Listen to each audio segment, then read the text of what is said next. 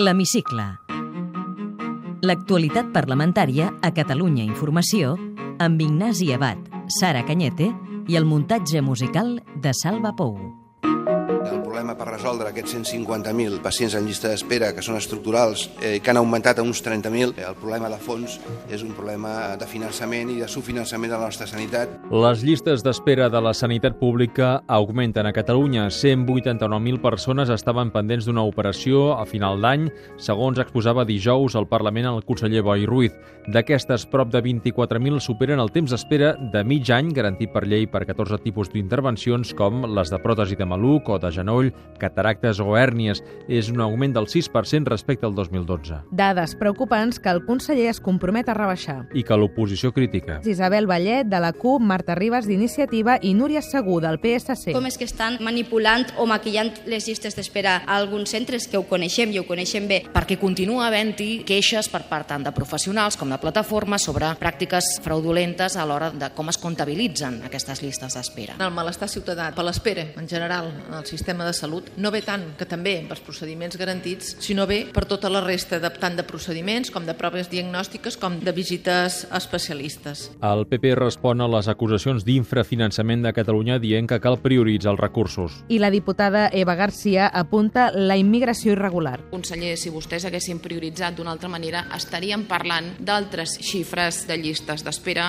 Tots sabem com es col·lapsen els centres hospitalaris moltes vegades per persones en situació irregular i això és una realitat, per molt que a alguns els hi faci angúnia haver-ho de reconèixer. El debat al Congrés sobre el referèndum d'autodeterminació de Catalunya ja té data. Serà el 8 d'abril, un mes abans de l'inici de la campanya electoral per les europees i set mesos abans de la data fixada per la consulta. S'acumularan la proposició de llei enviada pel Parlament per demanar la delegació de la competència de referèndum. I les que van presentar els grups i diputats catalans a les Corts Espanyoles.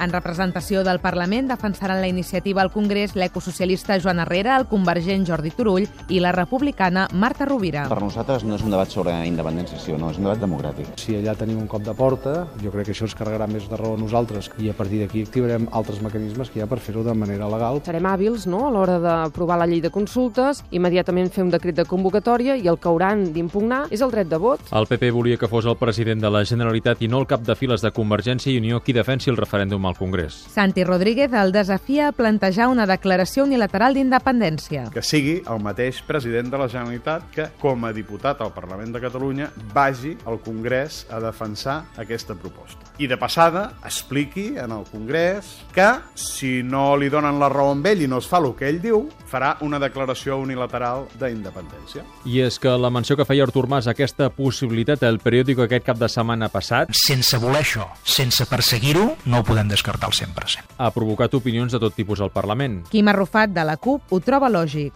I el socialista Maurici Lucena, gravíssim. Que el president no descarti la declaració unilateral d'independència. Jo crec que el president ni ningú de nosaltres no ha descartat mai cap opció. No sabem exactament quin és l'escenari que ens depararà al futur i l'estat espanyol. I que digui públicament que no descarta una declaració unilateral d'independència, a part de ser de traca, políticament és gravíssim. El mínim que es pot demanar és que comparegui en seu parlamentària perquè elabori una mica més aquest argument. Ciutadans, de la seva banda, demana representar el Parlament al debat del dia 8 al Congrés. Encara que no defensi la proposició, diu Carina Mejía, sinó tot el contrari. Que el Congrés dels Diputats escolti la pluralitat de veus que hi ha al Parlament de Catalunya. Demanem la possibilitat de compareixer al Congrés dels Diputats per poder defensar la nostra posició, que és contrària a la transferència d'aquesta competència per convocar un referèndum d'autodeterminació.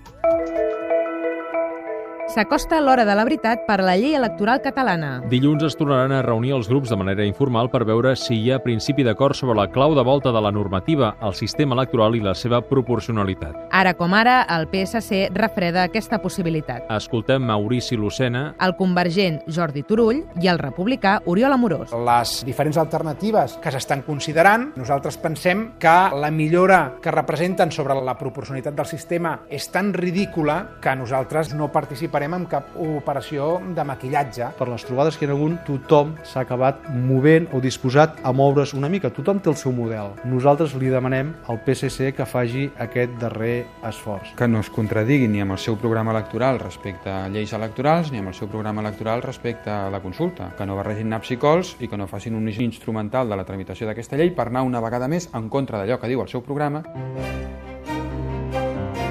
Quan falten poques setmanes per a la supressió de les pilotes de goma com a instrument antiavalots, l'1 de maig, el conseller d'Interior aposta pels projectils de precisió i l'ús d'altaveus d'alta potència. Hem estat fent tots els tràmits per l'adquisició tant de munició viscoelàstica com de projectils de llançadores de 40 mil·límetres de viscoelàstica. Per tant, hem anat cremant totes les etapes de manera que un cop no puguem disposar de les pilotes de goma doncs tinguem a disposició tot aquest conjunt d'eines, que no d'aigua. I sobre el dispositiu acústic de llarg abast és un altaveu, que permet coses molt efectives i del qual en fem una valoració molt positiva que ens permet doncs, donar missatges a una distància bastant gran. Ramon Espadaler també va anunciar en comissió que els Mossos antiavalots gravaran les seves actuacions amb microcàmeres que portaran a la solapa de l'uniforme. Sí, està prevista la incorporació de càmeres de PIT pel grup eh, operatiu amb el doble objectiu de l'obtenció de proves, però també, no menys important, de garantir la traçabilitat de la feina que fan aquests agents. Moltes vegades hi ha acusacions, discussions sobre si s'ha fet determinada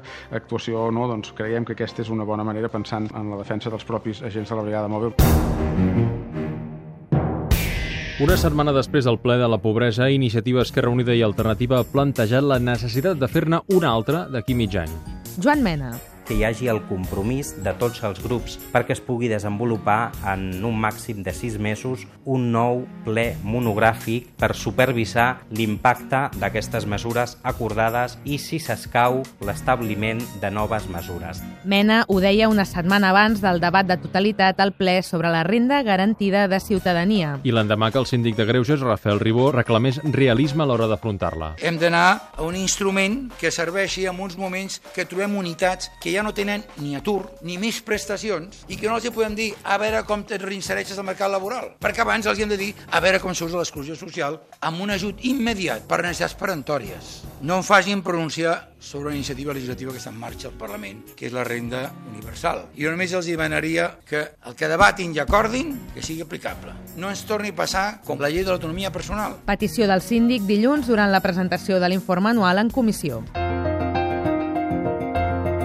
Més breument apuntem el pas per comissió del conseller de Cultura Ferran Mascarell. Que ha informat sobre l'Agència Catalana de Patrimoni Cultural en marxa des del gener davant l'escepticisme de la majoria de grups. En el transcurs de l'any vinent entrarem en la fase de donar serveis als 113 museus registrats en el conjunt del país, les 396 col·leccions obertes al públic, els 74 monuments oberts al públic i els 131 jaciments arqueològics visitables que té el nostre país. El secretari general de l'Esport, Ivan Tibau, va assegurar dimecres a la Comissió d'Afers institucionals que el govern està al dia de pagaments amb les federacions i els clubs. I que abans del juny es pagaran les subvencions convocades per aquest any. No només a data d'avui no tenim cap deute amb les entitats esportives, sinó que a finals de l'any passat vàrem treure diverses convocatòries de subvenció anticipada en pressupost 2014 per tal que, si la tresoreria ho permet, i esperem que així sigui, poder fer efectiu el pagament a les federacions i als clubs esportius al llarg del primer trimestre o segon d'aquest any.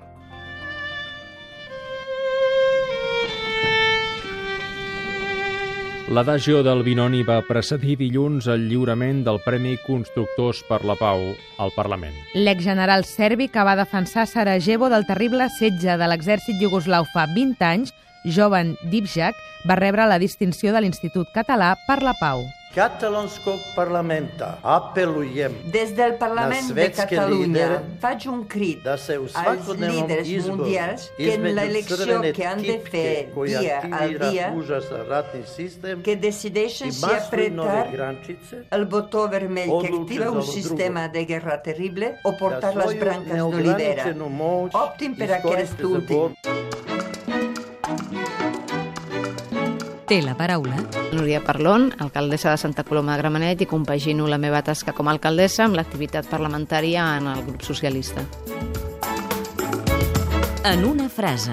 Senyora Núria Parlon, vol que Catalunya esdevingui un estat? Seria ideal que Catalunya doncs, pugui formar part d'un estat federal on hi tingui doncs, reconegudes les, les seves singularitats. Què passa si la convocatòria de consulta que vol fer el president Mas és impugnada? I esperem que la consulta esdevingui en el marc d'un acord amb l'estat espanyol.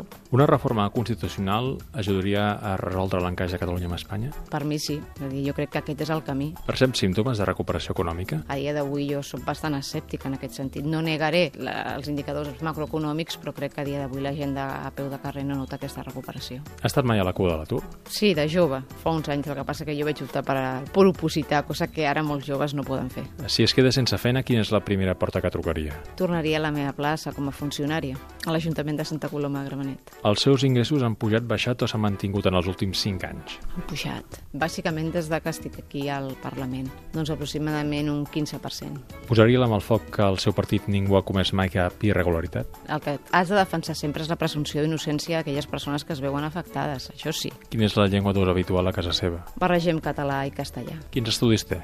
Ciències polítiques, vaig fer doctorat també en Ciències Polítiques a la Universitat Pompeu Fabra. Quin art l'apassiona més? M'agrada molt les arts escèniques, tot el que té a veure amb el, amb el teatre, però també la música. Quina obra li ha robat el cor? Mare Coratge, de, una adaptació d'Albert Olbrecht al Teatre Nacional de Catalunya. Segueix alguna sèrie de televisió? Algunes tardes, si el tinc lliure, Big Bang Theory. Peix o carn? Soc vegetariana. Digui'm un plat que li agrada molt. Doncs el cuscús amb verdures. Com reparteixen les feines domèstiques a casa? Ho fem entre jo i la meva parella i bueno, anem fent mitat i mitat. Especialitat? Rentar plats, perquè no tenim rentador de plats, i estendre la roba també. M'agrada planxar ja menys. Quina és la cosa que l'omple més a la vida? La meva feina m'omple molt. I és incompatible en poder-li dedicar, en certa manera, el temps que requeriria la meva filla. És aquesta dicotomia, no podríem dir, la feina i la, i la família. Amb quin sex símbol compartiria una estona? O si pogués amb Paul Newman. Quin diputat d'un altre grup fitxaria pel seu ideologia a banda?